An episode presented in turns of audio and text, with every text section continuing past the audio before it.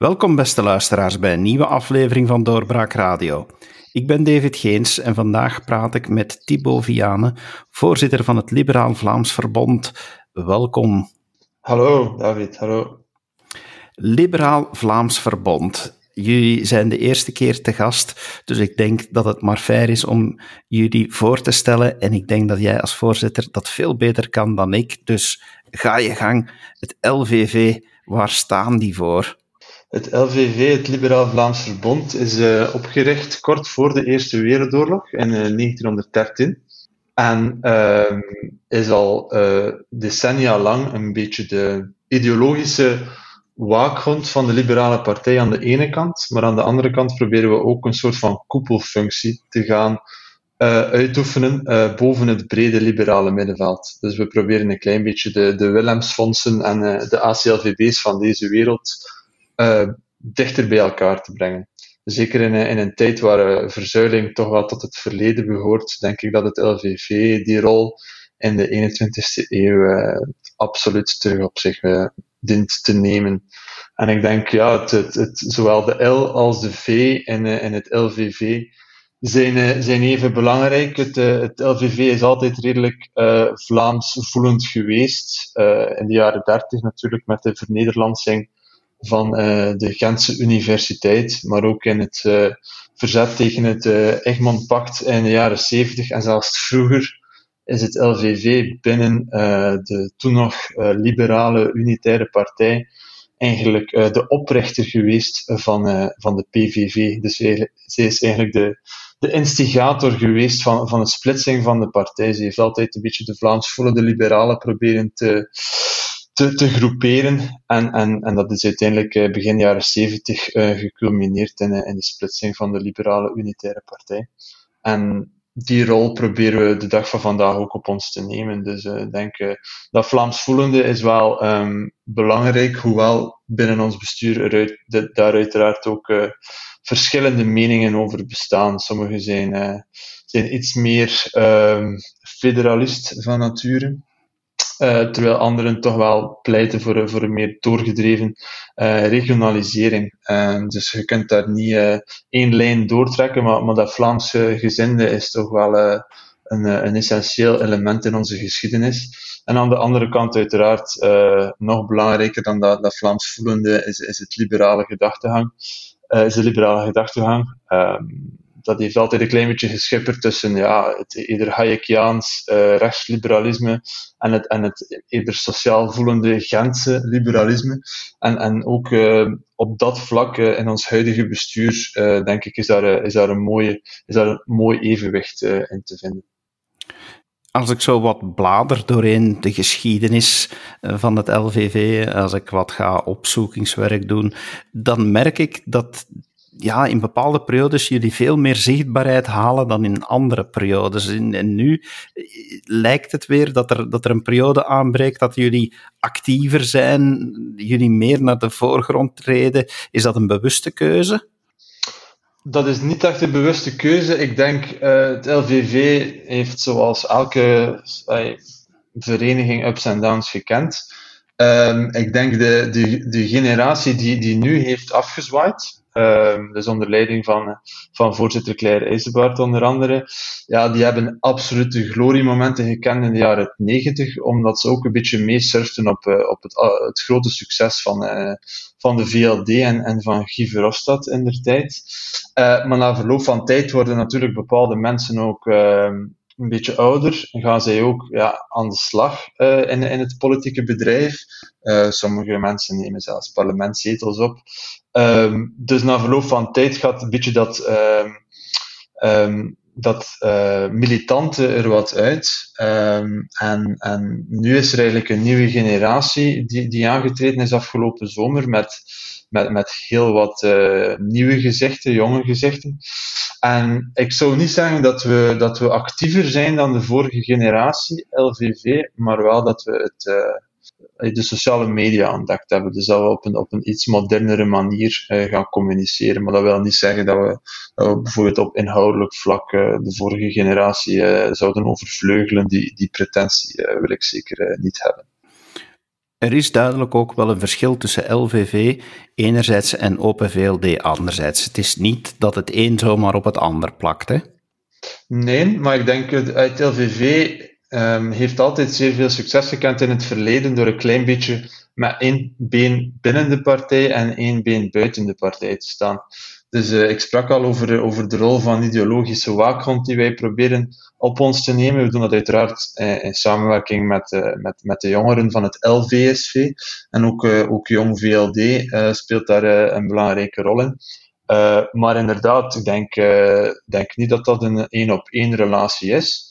Um, het is natuurlijk een feit, als je een politiek mandaat bekleedt, dat er natuurlijk andere, andere punten spelen. Dus wij hebben een klein beetje uh, de luxe om als um, uh, niet-partijpolitieke uh, vereniging um, op, op, op, op iets vrijere basis ons aan standpuntbepaling te gaan doen.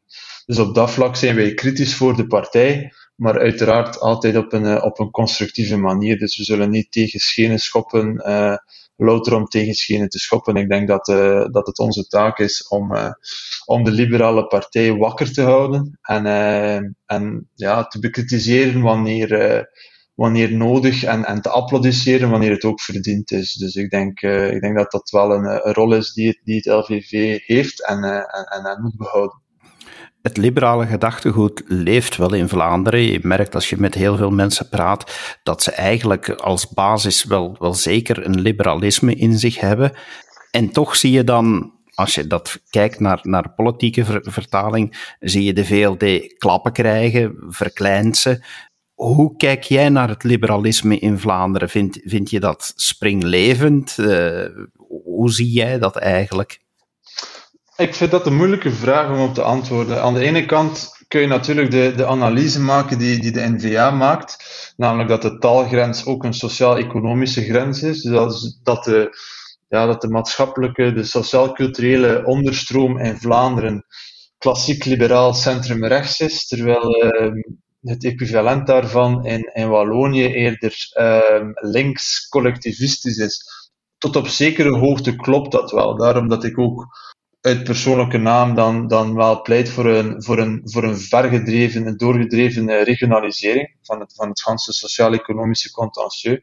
Um, maar aan de andere kant denk ik dat we dat ook niet moeten overdrijven. Ik denk dat we, dat we meer op de Walen gelijken als Vlamingen, economisch, sociaal gezien, dan, dan we durven toegeven. Er wordt vaak uh, verwezen naar vandaag bijvoorbeeld nog uh, Joachim Joachim Koems die pleit voor uh, een Zwitsers model. Heel veel mensen zeggen van ja, we moeten meer de Scandinavische tour op of de, of de Nederlandse, uh, het Nederlandse model gaan omarmen, omdat uh, ja, de, de, de werkzaamheidsgraad is daar een stuk hoger, de, de publieke schuld lager, arbeidsmarkt veel minder rigide. Maar ik denk dat we meer op, als Vlaming meer op de Walen gelijken dan op de Nederlanders bijvoorbeeld. Dus ik denk, ja, we zijn misschien iets klassiek liberaler in Vlaanderen, maar ik zou dat zeker niet overschatten.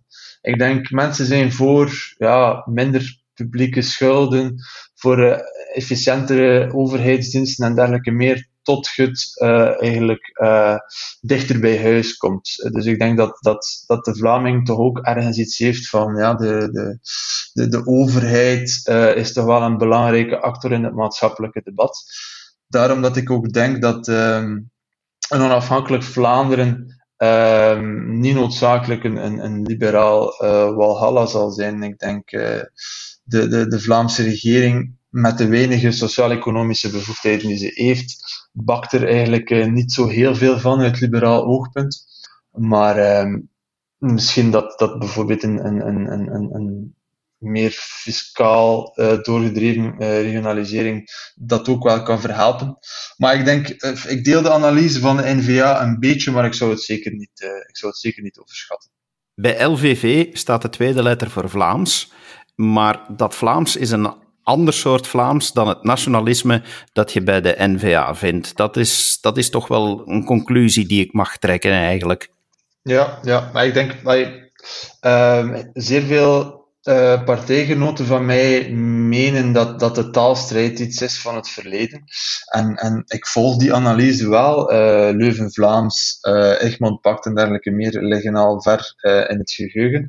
Um, Maar ik denk dat, dat, dat de V in, in het LVV wel nog een rol te spelen heeft, omwille van ja, toch de sociaal-economische divergenties die er heersen.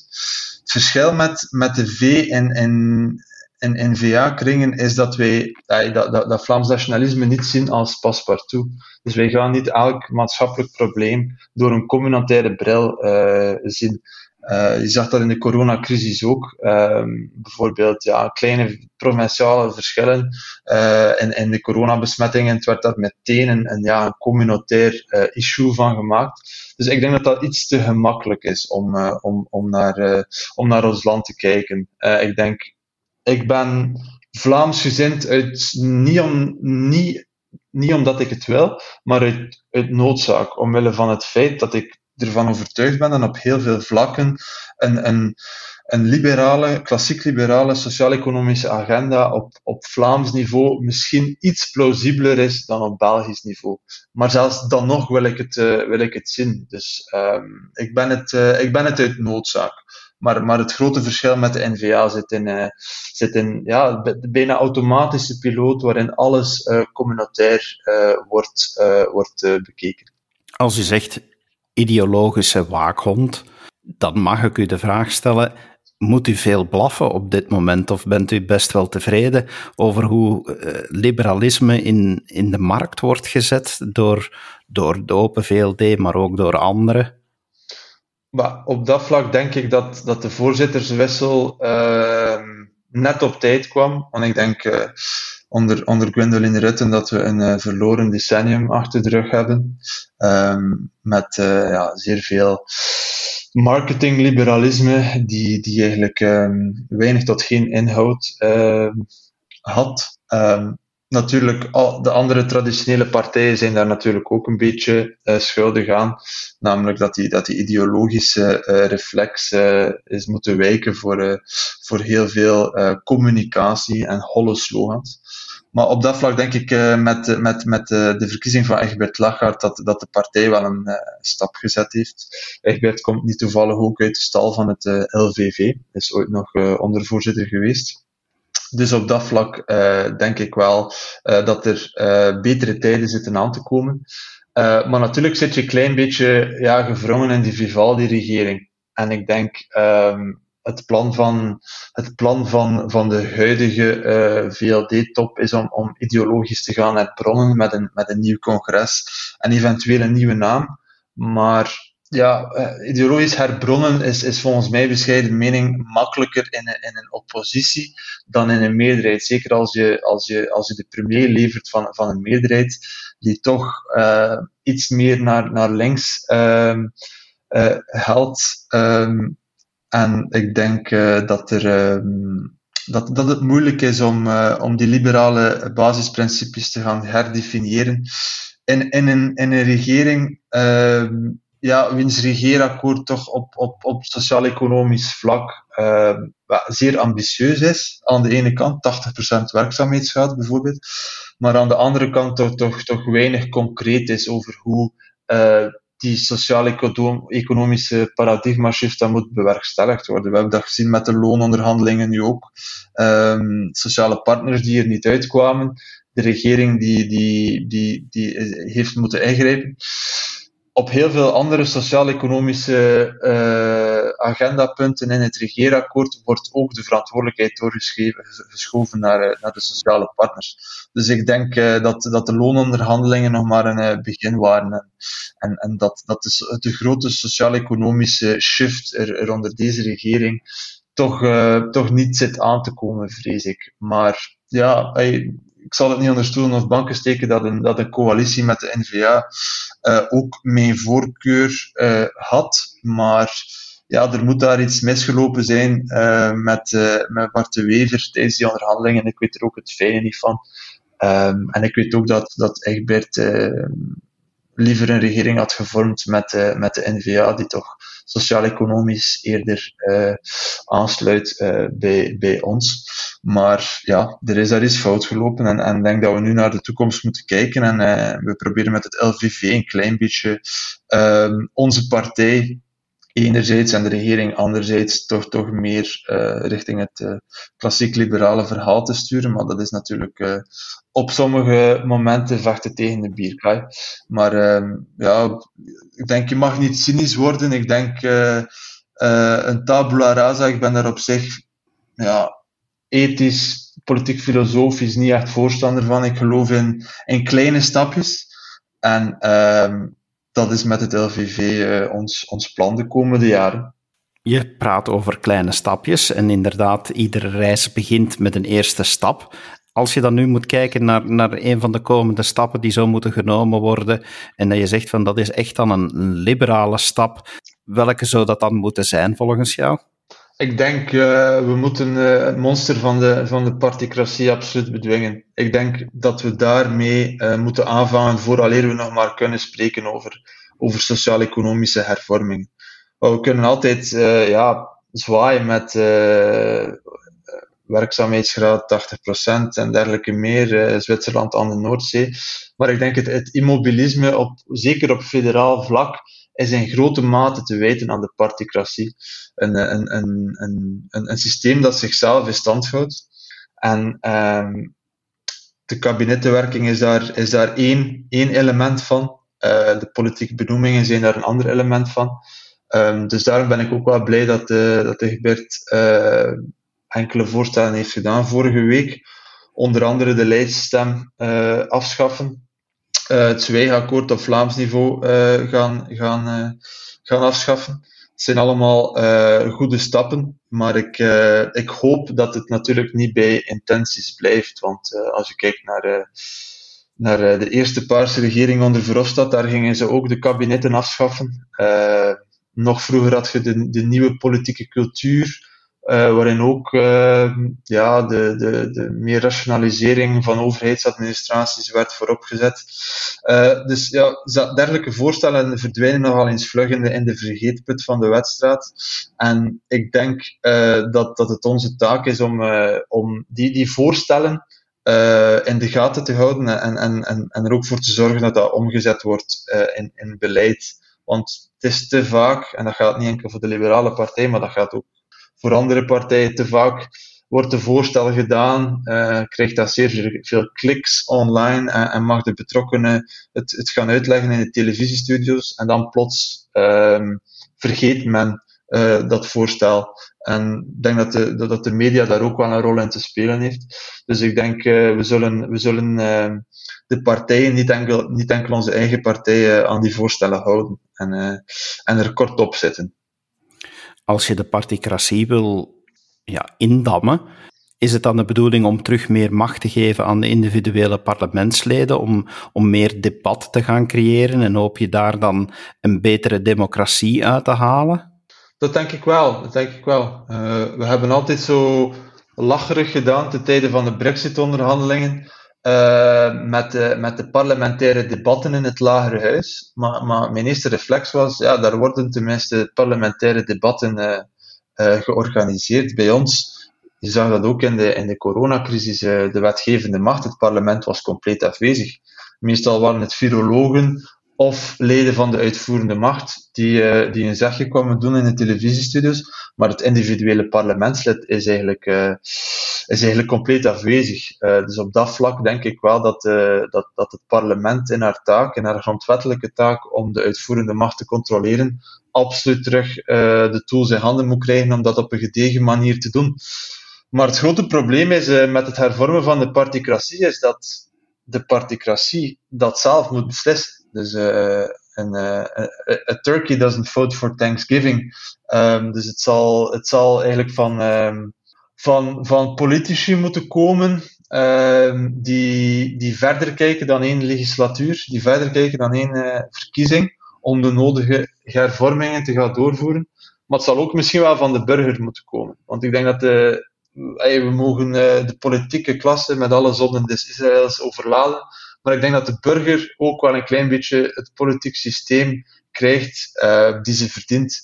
Dus ik denk dat er daar ook ergens wel actie moet ondernomen worden. Uh, je ziet heel vaak dat, dat de, de, de, belangrijkste maatschappelijke actoren tegenwoordig in het debat allemaal uh, buiten de partijpolitiek om geschieden, bijvoorbeeld de, de, klimaatacties, om, om maar één voorbeeld te noemen. Dus ik hoop dat er daar misschien ook ergens wel iets opborrelt en dat de burgers ook wel beseffen van kijk, we leven niet in een democratie, maar in een, in een, in een, in een particratie, in een, in een, in een, in een particratie die, die, die almachtig is en die eigenlijk het, het parlement compleet vleugelam uh, maakt. Uh, en uh, ook de media hebben daar, hebben daar een belangrijke rol in te spelen. Bijvoorbeeld het, het de illusie uh, die via een programma zoals eh, Villa Politica wordt hooggehouden, uh, dat daar effectief beslissingen worden genomen, dat daar effectief gedegen discussies worden gevoerd over, over fundamentele zaken.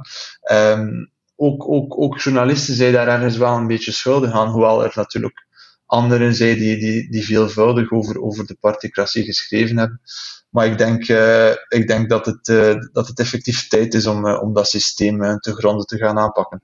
Zoals je zei, Open VLD-voorzitter Egbert Lachart heeft nu recent een aantal voorstellen gedaan. afschaffing van de lijststem valt daar enorm in op. Denk je dat, dat de voorstellen, als ze uitgevoerd worden, dat ze ver genoeg gaan om ingrijpende veranderingen te doen? Of zou je nog een aantal dingen op de menukaart willen bijplaatsen? Nee, ik denk dat dat een, een, een eerste stap is. En um, hetgeen mij in positieve zin verwondert, is dat een partij zoals Groen bijvoorbeeld, met, met wie ik eigenlijk weinig ideologische affiniteit heb over het algemeen, daar toch ook wel voorstander van blijkt te zijn. Dus misschien kan Groen op dat vlak wel een partner zijn om, uh, om het kiessysteem gewoon uh, eerlijker uh, en transparanter te maken. Het afschaffen van de lijststem is één. Uh, het systeem van de opvolgers is een ander. Um, en ik ben, en dat is dan wederom ten persoonlijke titel, ook enorm voorstander om de kieskringen terug te verkleinen. Ik weet dat, uh, dat de Paarse regering uh, begin deze eeuw uh, de arrondissementele kieskringen heeft vervangen door provinciale kieskringen, om een klein beetje de christendemocratie in Vlaanderen te pluimen. En ze zijn daar wel in geslaagd, denk ik. Maar ik denk, als we het parlement terug terug sterk willen maken, dan moet de band tussen kiezer en, en parlementslid uh, terug versterkt worden. En ik denk uh, dat, een, een kleinere kieskring uh, op dat vlak zeker kan helpen om de kloof tussen burger en politiek kleiner te maken, om de centrale sturing van, van de kieslijsten ook te verminderen. want bijvoorbeeld het Waasland voor mij heeft, heeft geen uitstaans met de Vlaamse Ardennen bijvoorbeeld. En nog minder met Gent. Dat zijn voor mij drie volledig verschillende werelden. Dus, ik vind het absurd dat dat één kieskring is. Dus op dat vlak uh, denk ik dat we naar kleinere kieskringen moeten gaan. En dat zal natuurlijk ook uh, het, het, het probleem, uh, het issue zich stellen van politieke herverkaveling, omdat sommige partijen van kleinere kieskringen zullen profiteren anderen uh, dan weer niet. Dus ik denk dat er sowieso wel een, een, een, een, een politieke herverkaveling uh, moet komen. U sprak daarnet ook over de ministeriële kabinetten. Vindt u dan dat er terug meer zou moeten gegeven worden aan de administraties? Dat de administraties een grotere rol te spelen hebben bij beleidsvoorbereiding en zo? Dat denk ik wel. Ik zie, Nederland bijvoorbeeld, daar, daar heb je een zeer sterke administratie, die, die, die, die niet politiek gekleurd is, of, of toch veel minder, in tegenstelling tot België. En daar heb je absolute topambtenaren die, die samenwerken met de minister. Dus de minister heeft, heeft, heeft in Nederland geen uh, Hanse hofhouding uh, ter zijn beschikking om, uh, om aan beleid te doen, maar moet rechtstreeks samenwerken met, met administraties. En natuurlijk, uh, dat botert niet altijd even goed. Maar dat zorgt er wel voor dat de, dat, dat de essentiële beleidsmatige vragen uh, meteen uh, ja, ter sprake kunnen komen. Terwijl hier wordt er een beetje aangemodderd, worden sommige topambtenaren die niet over dezelfde partijkaart beschikken als, als, als de minister een beetje genegeerd in het beleid. Uh, dus ik denk effectief dat de administratie daar wel een, eh, een belangrijke rol in te spelen heeft. Ook omwille van het feit dat er, dat er bepaalde technische kennis en know-how zit in die administraties, um, die legislatuur ongevoelig is. Dus uh, als je met een, een, een gek voorstel als, als politicus naar de kiezer stapt, en daar electoraal ook voor beloond wordt, maar dan dat gek voorstel uh, in beleid zal moeten omzetten, dan zal de administratie zeggen, oh, wacht eens, uh, dat is cijfermatig gewoon compleet onmogelijk. Dus ik denk dat die administratie effectief wel een, die rol kan spelen van, van permanent kenniscentrum en, en, en dat dat voor, voor beter en, en, en, en, en beter beleid kan zorgen. En beleid dat, dat meer op de lange termijn gericht is. Deze regering heeft zich ook tot uitdaging gesteld om tenminste een voorbereiding te maken van een staatshervorming. We kunnen niet ontkennen dat het uh, nu overal een beetje een kluwe is. Hoe vindt u dat we het kunnen verbeteren? Wat zou er echt moeten gebeuren om het, om het te verbeteren, om het land efficiënter te maken en dus ja, de overheid misschien ook wat minder vet te maken? Nou, ik vind het al een, al een goed teken dat de huidige uh, regering um, denkt over de staatshervorming, um, los van regeringsonderhandeling. Want dat is altijd een klein beetje het probleem geweest. Uh, er werden bevoegdheden geregionaliseerd in tijden van regeringsonderhandelingen. Um, Vlaanderen kreeg meer bevoegdheden en, en, en Franstalig België kreeg meer geld. En, en, en dat is een klein beetje de oorzaak van, van, het, uh, van de huidige constellatie, waarin, waarin je met een zeer onduidelijke bevoegdheidsverdeling zit. Dus op dat vlak vind ik het, uh, het goed dat daar, dat daar nu al over nagedacht wordt. Maar ja, ik, ik, ik stel ook vast dat op vlak van staatsinrichting en staatshervorming er ook niet zoveel overeenstemming is binnen, uh, binnen die federale regering. Ik denk dat Emer zeer, zeer unionistisch is, toch een klein beetje heimwee heeft naar, naar dat oude België. Um, wat ik ergens wel kan begrijpen, want een, een Georges-Louis Boucher is eigenlijk bang om, om heeft, heeft een beetje verlatingsangst om, om in een, links gedomineerd Wallonië terecht te komen. Dus op dat vlak snap ik hem wel. Maar ik denk uh, ja, dat, er, eh, dat er effectief over de lange termijn moet worden nagedacht over onze staatsinrichting naar, naar 2030 toe. En dat, dat er eigenlijk een staatshervorming moet komen die de, al de andere overbodig maakt. Want nu was het altijd een beetje ad hoc. Uh, bevoegdheidsverdelingen uh, die onduidelijk zijn, uh, ministers op verschillende niveaus die bevoegd zijn voor hetzelfde departement en, en die over elkaar struikelen in tijden van crisissen. Dus op dat vlak denk ik wel dat er, dat er, dat er, dat er een, een finale stap naar een staatshervorming moet gemaakt worden. Ik, ik, ben, ik ben redelijk Vlaams gezind, maar ik ben geen separatist, dus ik, ik, ik denk niet dat, de, dat een onafhankelijk Vlaanderen uh, veel soelaas zal bieden. Ik denk gewoon dat Vlaanderen uh, de, de sociaal-economische tools in handen moet krijgen om zelf een beleid uh, te gaan voeren die meer aansluit um, bij, ja, bij hetgeen de kiezers willen, bij ja, hoe de arbeidsmarkt uh, ervoor staat uh, in, in Vlaanderen bijvoorbeeld. Um, we hebben ook een, een, een economie uh, gedomineerd door KMO's. Ook dat vereist een, een, een, andere, een andere aanpak. En van zelfs wat fiscale concurrentie ben ik niet vies. Dus ik denk dat er, dat er heel wat stappen kunnen gezet worden. Maar de vraag is natuurlijk, zullen we dat uit electoraal vaarwater kunnen halen? En dat is een klein beetje het probleem. De, de staatshervormingen worden altijd uh, doorgevoerd in volle regeringsonderhandelingen. En uh, ja, België is daar, is daar niet mee gediend. Deze regering heeft natuurlijk nu een belangrijke taak met het eh, begeleiden van, van alles wat met de crisis te maken heeft. Eh, vaccinaties zijn volop bezig. Maar er wordt nu stilaan gekeken naar de periode what's next? Wat zijn de volgende stappen?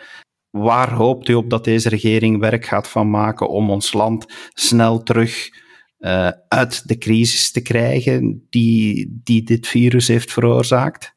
Maar dan komen we bij het thema van, van relance natuurlijk. Uh, je, ziet dat, dat alle parameters aangeven dat, dat België de crisis minder goed uh, verteert dan onze belangrijkste handelspartners en onze buurlanden. Dus op dat vlak denk ik dat er wel een soort van sense of urgency uh, dient te zijn bij, bij de politieke partijen.